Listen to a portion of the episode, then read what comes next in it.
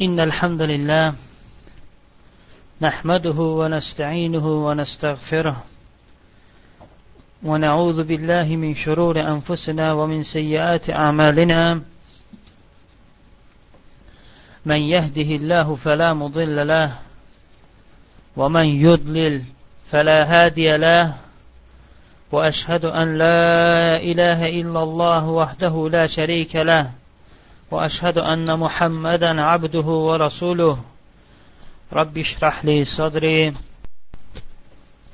ويسر لي أمري واحلل عقدة من لساني يفقه قولي أما بعد Əziz, möhtərəm müsəlman qardaşlarım, ilk olaraq özümə və sizə Allahdan qorxmağı tövsiyə edirəm. Və bildiyiniz kimi, keçən dərslərimizdə biz elmin fəziləti, elmə yiyələnmək üçün şərtlər və ədəblər barədə danışmışıq. Bugün inşallah demək olar ki, sonuncu dərsimizdir. Bununla da elm barədə olan dərslərimizi bitirəcəyik və sonra isə Allah subhanət hələ müvafiq eləsə, əqidə dərslərinə keçmək istəyirik. Bugünkü sonuncu dərsimiz isə alimlərə hörmət eləmək və onların qeybətini eləməmək, onları pisləməmək barədədir. Demək olar ki, bu dərsimiz də keçən dəfəki dərslərin içində, yəni şərtlərdə və ədəblərdə qeyd eləmək olardı. Ancaq bu dərs biraz uzun olduğuna görə və əhəmiyyətli olduğuna görə xüsusən də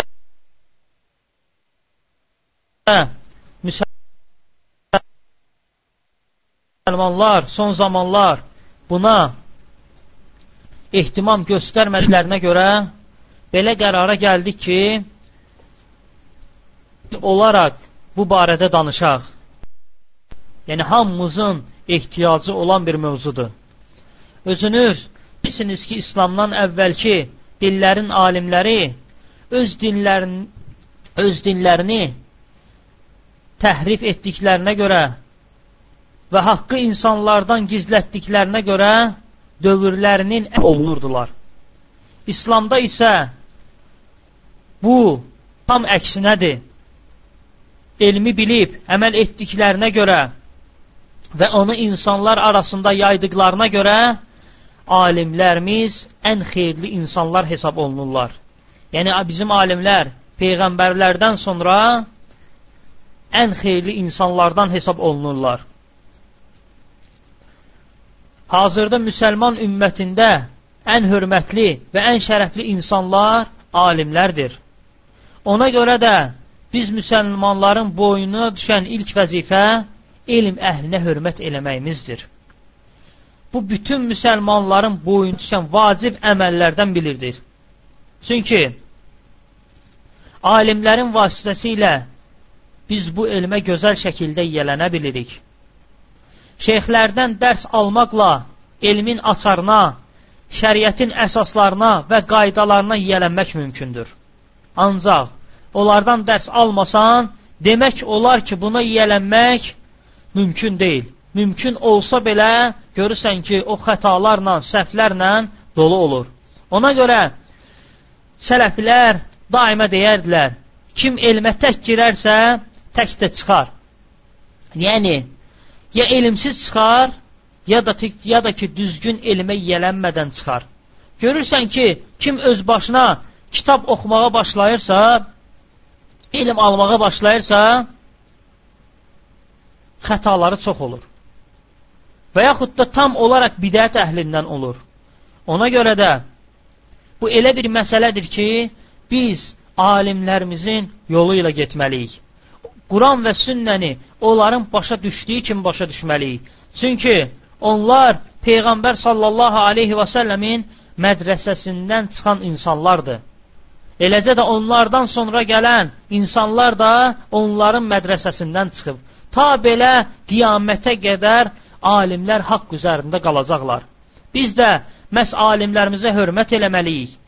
Alimlərimiz Quran və sünnə əsasında danışırsa, onları qəbul eləməliyik. Onların dedikləri sözləri qəbul eləməliyik. Ta o vaxta qədər ki, bilək ki, alim hər hansı bir məsələdə xəta eləyib. Həmin o xətanı biz alimdən götürmürük. Ancaq umumilikdə alimin dediyi sözlər bizim üçün məqbuldur. Fikir verin. Sələflər bu sözü elə belə deməyiblər. Kim elmə tək girərsə tək də çıxar. Tarixə fikir versəz görərsiniz ki, hansı alimin şeyxləri, müəllimləri çox olubsa, o alimlərin elmi daha üstün olub. Xətaları da həmçinin az olub. Məsələn, buna aid bir misal çəkək. Eşitmisiniz, qardaşlar? Qardaşlar, eşitisiniz?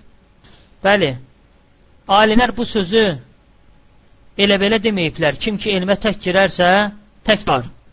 Bunun böyük əhəmiyyəti var. Doğrudan da bu belədir. Görürsən ki, hansı alimlərin ki, hansı elm əhlinin ki, şeyxləri, müəllimləri çox olub, fikir verirsən ki, onların xətaları az olublar. Onlar daha çox elmə yiyələniblər. Məsələn, buna aid bir misal çəkək. Məşhur alimlərdən olan, hamımızın tanımadığı, tanıdığı İmam Buxaridir. Adicə bir məsələdə imanın artıb azalma məsələsində İmam Buxari rəhməhullah buyurur ki, mən mindən çox şeyximdən eşitdim, hamısı deyirdi ki, iman artır və azalır. Fikir verirsiniz, subhanallah. Mindən çox şeyximdən eşitdim. Görün bunun nə qədər müəllimləri olub, şeyxləri olub. Nə qədər alimdən bu dərs alıb. Ona görə də bu günlərin Buxarinin kitabı Qurandan sonra ən səhih kitab adlanır. Şeyxləri çox olub. Çox elm tələb eləyib elmə yüksək səviyyədə nail olub ona görə. Bunun əksinə aiddə bir misal çəkək. Məsələn, Şeyxülislam İbn Teymiyyənin babası olan Məcid İbn Teymiyyəni götürək. Məcid İbn Teymiyyə də məşhur alimlərdəndir. Ancaq görürsən ki, bəzi mövzularda biraz xətaları var. Onun da səbəbini araşdırdıqda görürsən ki, müəllimləri az olub ona görə. Özü elm almağa başlayır, ancaq ata-anası onu səfərə çıxmağa icazə vermədiyi üçün şeyxlərin yanına gedə bilmir. Və çoxlu şeyxlərdən dərs ala, dərs ala bilmir. Ona görə də görürsən ki, bəzi şeylərdə xətalara yol verir. Ancaq Allah onların hamısından razı olsun. İndi siz fikirləşin ki, şeyxi olmayan insanlar necə? Əgər heç şeyxi yoxdursa, heç müəllimi yoxdursa, heç bir alimdən dərs almırsa, o insanların xətaları barədə nə danışmaq olar? Məhz buna görə də biz alimlərimizə daima hörmət eləməliyik. Allah Subhanahu taala Qurani-Kərimdə buyurur ki: "Və men yuazzim şairallah fe inne zalika min taqval qulub." Hər kim Allahın ayinlərinə hörmət edərsə, bilsin ki, bu qəlbin təqvasındandır. Əl-Hucurat surəsi 2-ci ayə. Allahın ayinlərindən biri də fəzilət verib ucatdıqları alimlərdir. Uca Allah möminlərə Peyğəmbər sallallahu aleyhi və səlləmin yanında səslərini qaldırmamağı qadağan edərək belə buyurur. Ey iman gətirənlər, səsinizi Peyğəmbərin səsindən yüksəyə qaldırmayın və biri-birinizi çağırdığınız kimi onu da uca səslə çağırmayın. Bu ayədir. Görün, şeyx Ənis Əhməd bu ayəni şərh edərək nə buyurur rəhməhullah? Buyurur ki, şək yoxdur ki, Allahın buyurduğu bu ədəb alimlərə və elm məclislərinə də aiddir. Çünki alimlər Peyğəmbərin mirasından pay almış kimsələrdir. Fikir verirsiniz? Buyurur ki, şək yoxdur ki, Allahın buyurduğu kimi bu ədəb alimlərə və elm məclislərinə də aiddir. Çünki alimlər Peyğəmbərin mirasından pay götürmüş kimsələrdir. Doğrudan da belədir. Biz keçən dərslərimizdə də qeyd elədik ki, alimlər Peyğəmbərlərin mirasından pay götürən kimsələrdir.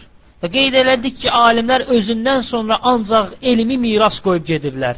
və e, miras e, bu mirasdan da pay götürənlər elm əhlidir. Kim o elmi alarsa, peyğəmbərlərin, xüsusən də peyğəmbər sallallahu alayhi və səlləmin mirasından pay götürmüşdür. Həmçinin onların məclislərində Allahın ayələri, peyğəmbər sallallahu alayhi və səlləmin hədisləri zikr olunduğuna görə səsi qaldırmaq olmaz. Ubeydullah fıstıqları nur ilə hidayətə çatırlar. Ubeydullah İbni Cəfər rəhməhullah buyurur ki, alimlər diyarların nurlarıdırlar.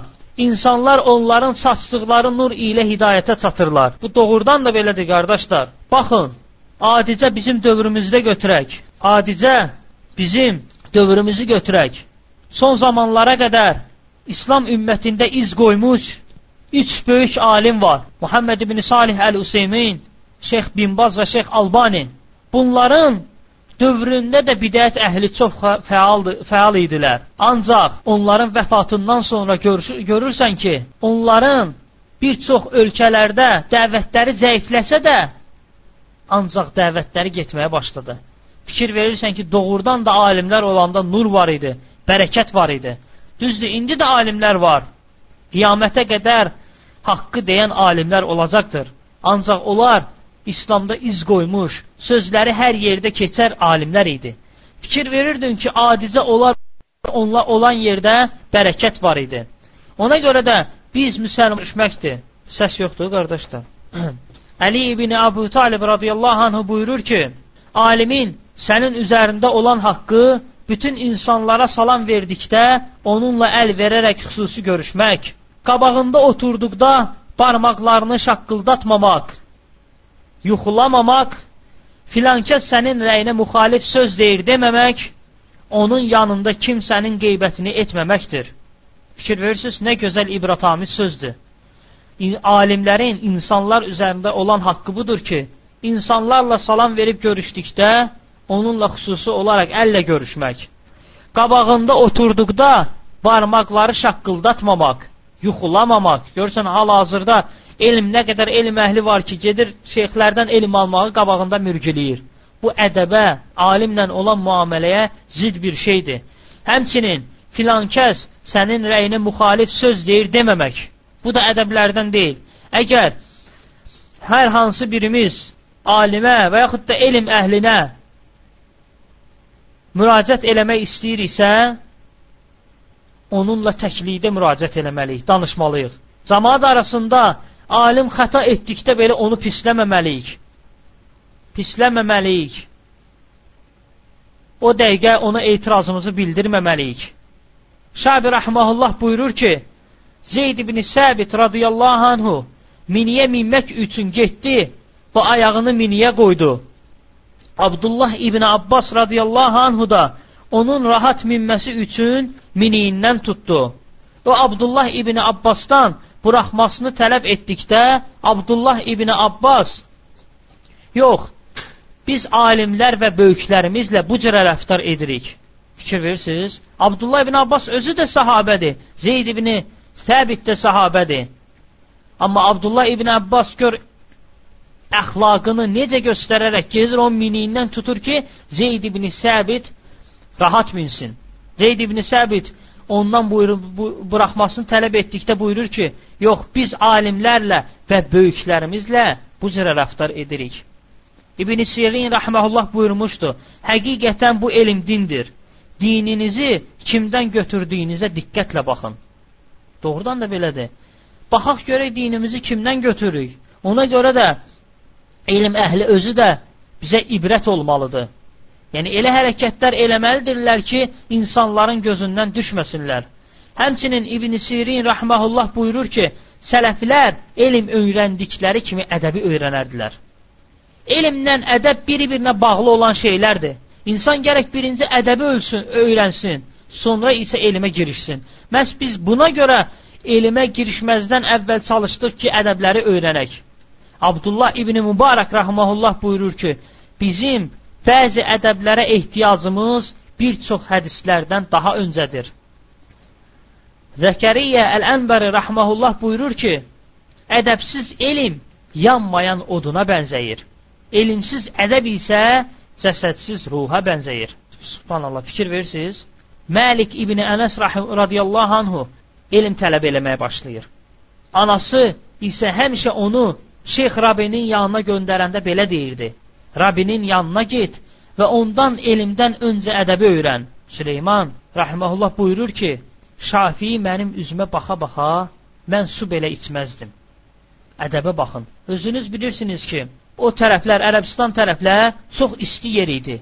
Həmçinin şeyxlər də dərs keçdikdə saatlarla dərs keçərdilər. Və elm əhli də, elm tələb edənlər də şeyxlərin dərsində oturub faydalanardılar. O məclisləri tərk, eləmə, tərk eləməməz, eləməzdilər. Və İbn Süleyman rəhməhullah buyurur ki, Şafii mənim üzümə baxa-baxa mən su belə içməzdim. Sustamasına baxmayaraq, Şafi ona baxdıqda su belə içmir. Ədəbə baxın. Alimlərlə oturmaq həqiqətən də şərəfdir sualları elmdir. Məclisləri can rahatlığı, onlarla bir yerdə oturmaq isə ədəbdir, ədəbi öyrədir. Ona görə Meymun İbn Məhran rəhməhullah buyurur ki, qəlbimin islahını alimlərlə oturmaqda tapıram. Ancaq bugünkü günümüzə fikir verdikdə görürük ki, müsəlmanlar elm əhlinə, elm əhlində bir xəta gördükdə onları qınamağa başlayırlar və səhlə, səhvlərini insanlar arasında yayıb onları pisləməyə başlayırlar. Elm əhli də bizim kimi bir insandır. Onlar da xəta edə bilərlər və edirlər də. Uca Allah bu dünyada heç kimi kamil yaratmamışdı. Elm əhli də dünyavi məsələlərdə xəta etdikdə düşünmək lazımdır ki, onlar da bizim kimi bir bəşərdir. Onların etdiyi bu xətadan dönməyi tövsiyə etmək lazımdır. Yəni xəta etdikdə Lazım deyir onlardan üst çevirmək, lazım deyir onların eyiblərini qeyb cəmaat arasında yatmaq, yaymaq. Çalışmalıyıq ki, gedək, oturaq, onlara nəsiyyət edək və xətalarından dönməsi üçün dəlillər qoyaq qabaqlarına. Çünki hər bir insan xəta eləyir. Xətasız insan yoxdur. Məsum ancaq peyğəmbərlərdir.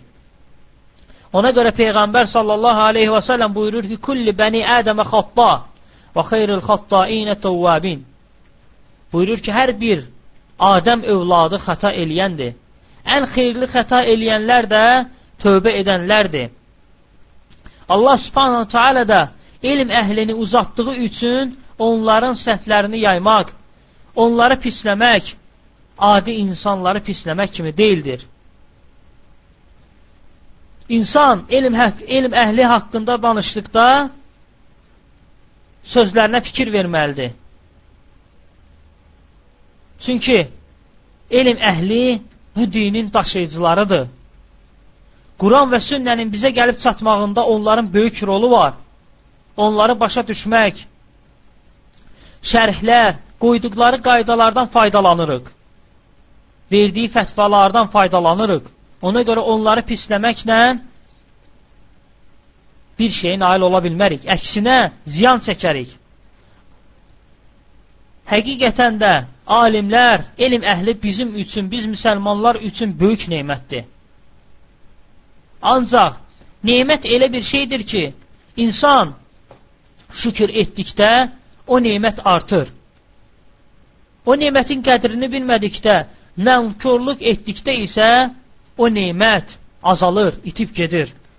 Allah Subhanahu taala Qurani-Kərimdə buyurur ki: "Və la in şəkertum la azidannakum in kafartum inna azabi lashadid." Əgər siz şükür eləsəniz, biz sizə olan nemətlərimizi daha da artırarıq. Yox, əgər nankorluq etsəniz, bilin ki, Allahın əzabı şiddətlidir. Ona görə də biz insanlar çalışmalıyıq ki, elm əhlinə dil uzatmayaq. İbn Əsəkir rahmehullah buyurur ki, alimlərin əti zəhərlidir. Alimlərin əti zəhərlidir. İmam Əhməd də rahmehullah onun sözünü tamamlayaraq belə deyir: Alimlərin əti zəhərlidir. Kim onu iyləyərsə xəstələnər. Kim onu yeyərsə məhv olar. Yəni Kim alimlərin qeybətinə qulaq asarsa, onun ziyanını görər. Və kim ki onlarının qeybətini edərsə, məhv olar. Necə ki İbn Əsakir rahmehullah yenə buyurur, kim alimləri söyərsə, ölümündən qabaq Allah onların qəlblərinin ölməsi ilə imtihana çəkər.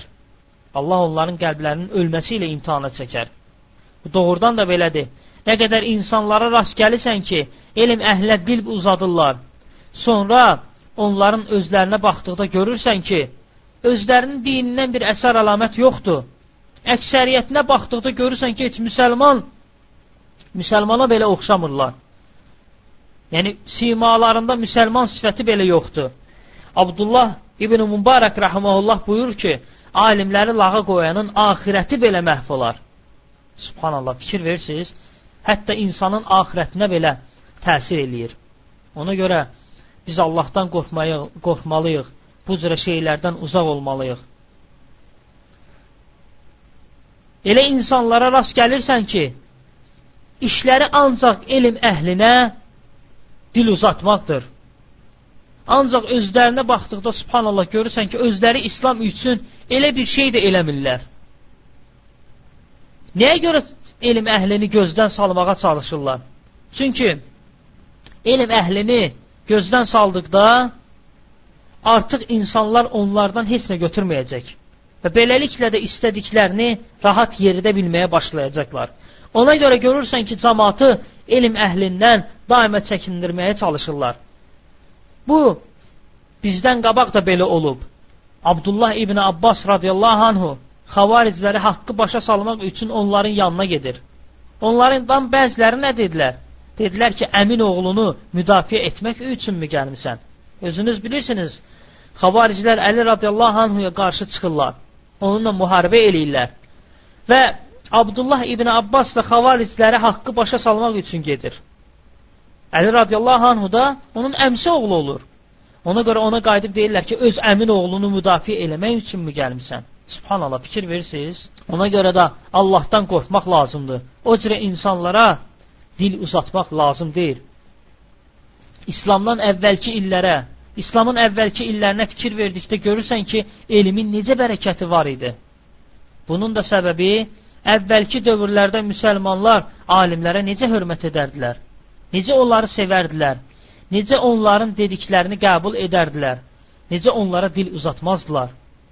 Alimlərin sevməyin özü belə sünnədir. Necə ki, Quteybə rəhməhullah buyurur, hər bir kimsə hədis əhlini sevirsə, bil ki, o sünnə əhlini sevir. Kim ki, hədis əhlini sevmirsə, bil ki, o bidət əhlidir. Əbu Hatim rahiməhullah oğluna deyir, Əhməd İbni Həmbəli sevən kəs bil ki, sünnə əhlidir. Marvacı rahiməhullah görün nə rəvayət edir. Çox ibrətamiz bir hekayədir. Buyurur ki, Tursusdan bir nəfər gələrək xəbər verdi. Yəni Tursusda vuruşurlar, Rumlarla vuruşurlar müsəlmanlar. Və Marvazda buyurur ki, oradan bir nəfər gələrək bizə belə dedi. Biz Rumda müharibədə olduqda mücahidlər gecə vaxtı əllərini qaldırıb alimlər üçün dua edərdilər ki, on, Allah subhanət hala onları qorusun. Baxın, subhanallah, özləri cihadda idilər, daha çox təhlükədə idilər, ancaq elm əhli üçün dua edirdilər. Həşur İbni İsmail rəhməhullah buyurur ki, Bağdadda ikən Muhammed İbni İsmailin gəlişini eşidərək deyir, dedim, bu gün Bağdada alimlərin seyidi daxil oldu. Muhammed ibn İsmail də Buxaridir. O e, Bağdada daxil olduqda Həşir ibn İsmail buyurur ki, bu gün Bağdada alimlərin seyidi daxil oldu. Baxın, görün, elm əhli biri-birindən necə tərif deyərdilər, biri-birini necə tərifləyərdilər.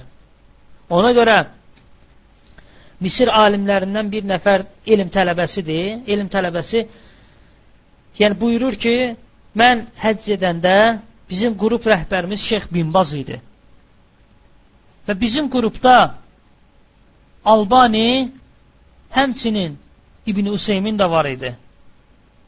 Buyurur ki, İbn Baz rahiməhullah fikri sual olduqda Şeyx Useyminə deyirdi ki, sən cavab ver. Hədislə bağlı sual olduqda Şeyx Albaniya deyirdi ki, sən cavab ver. Əqidə ilə bağlı sual olduqda özü cavab verərdi. Və elə oldu ki, namaz vaxtı gəlib çatdı. Şeyx Hüseymin qarağa dayandı ki, imam olmaq mənlik deyil. Şeyx Albani də Binbaza deyir ki, bizim böyüyümüz sənsən, rəhbərimiz sənsən, sən dayan. Şeyx Binbaz buyurur ki, yox, mən də Quranı əzbər bilirəm, sən də Quranı əzbər bilirsən. Ancaq Peyğəmbər sallallahu aleyhi və səlləmin sünnəsini sən məndən daha yaxşı bildiyin üçün sən dayanmalısan.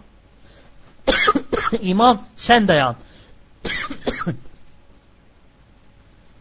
Şeyx Albani qabağı çıxır imam dayanmağa, üzünü cəmaata tərəf çöndərib deyir ki, sizə Peyğəmbər sallallahu aleyhi və səlləmin namazını qıldırım, yoxsa ki, namazı qısaldım, yəni yüngülləşdirim, yəni az surə oxuyum. Şeyx Binbaz rahiməhullah buyurur ki, bizə namazı öyrət. Peyğəmbər sallallahu aleyhi və səlləmin namazını öyrət. Görün, elm əhli biri-birinə qarşı necə təvazükar idi, necə hörmət eləyərdilər. Bax, bizə buyurulan əxlaq bu cürə olmalıyıq. Bizdən tələb olunan əxlaq bu cürədir. Baxın, görün, Əyyub rəhməhullah nə deyir? Buyurur ki, əhli sünnədən olan bir kəsin ölüm xəbərini mənə gətir, mənə xəbər verdilər. Və mən də özümü çox pis elədim və buyurdum ki, əhli sünnədən bir nəfəri itirdikdə bədənimdən bir üzvü itirmiş kimi mənə ağır gəlir. Sonra isə bir qədər sustuqdan sonra deyir, əhli sünnənin ölümünü arzulayanlar Allahın nurunu söndürmək istəyənlərdir. Yəhyə İbni Cəfər rəhməhullah buyurur ki, mənim ömrümdən kəsib Buxariyə versəydilər, mən bunu eləyərdim. Çünki mənim ölümüm adi insanın ölümüdür. Onun ölümü isə elmin getməsidir. Baxın, görün, Abu Hanifə rəhməhullah nə buyurur? Buyurur ki, mən, Həmməd mənə elm öyrətdikdən sonra elə bir namaz qılmadım ki, həm ona, həm də valideynlərimə dua eləməyim. Və həmçinin İmam Əhməd radiyallahu anhu rahiməhullah məsciddə olduqda bir nəfər gəlib deyir ki, məsciddə bir dənə uşaq var, yəni istehza ilə adı Əbu Zuradır. Əbu Zurada cavan olur. İmam Əhməd də qəzəblənib deyir ki, sən ona uşaq mı deyirsən? O o cürə elmə malikdir. Və İmam Əhləmət həmin adamın üstünə qəzəblənir. Sonra isə əllərini açaraq Əbu Zur üçün dua eləməyə başlayır. Ona görə qardaşlar, bizdən tələb olunan ədəb bax bu cürədir. Sələflər ümumiyyətlə qardaşlarında bir xəta gördükdə onları yaymazdılar, onları səhvlərini düzətməyə çalışardılar. Əgər adi insanlara biz bu cürə tələb olunuruqsa eləmək, görün alimlərə qarşı necə olmalıyıq. Hətta onlar xəta etdikdə belə sələflərin biri-birinə qarşı olan münasibəti belə dəyişməzdi. Necə ki İbn Əbüddünya rəvayət edir ki, Səd radiyallahu anhu ilə Xalid radiyallahu anhunun arasında ixtilaf düşmüşdü. Bir nəfər Sədin yanına gələrək Xalidi pisləməyə başlayır. Səd rahiməhullah da buyurur ki, bizim aramızda düşən ixtilafın dinimizə heç bir adiyyəti yoxdur. Sus. Ona susmağa əmr eləyir. Subhanallah, fikir verirsiniz? Və yaxud da başqa bir ibrətamiz hekayə. Sud, ə, Yusuf Əs-Sədəfi rahiməhullah buyurur ki, mənimlə İmam Şafii arasında problem var idi. Yəni münaqişə eləmişdik, aramız yox idi. Necə aramız yox idi? Yəni münaqişə edib ayrılığından da mən ondan ağıllı bir insan görmədim. Alimlərə dil uzadanlar bilməlidirlər ki, özlərindən başqa heç kəsə ziyan vurmurlar. Və Allah subhanət alədən istəyirəm ki, bizi öz dini üzərində sabit eləsin və bizi bu ədəblərə riayət edənlərdən eləsin və bizi elə bir elm almağa müvafiq eləsin ki, o elm bizə həm bu dünyada, həm də axirətdə fayda versin. İnşallah gələn dərslərimizdən, yəni əqidə dərsinə başlayacaq, Allah subhanətə müvafiq eləsin və qeyd elədiyimiz kimi çox güman ki, tahavi əqidəsini götürərik. Və sallallahu aleyhi və Kimin sualı varsa, qardaşlar, verə bilər.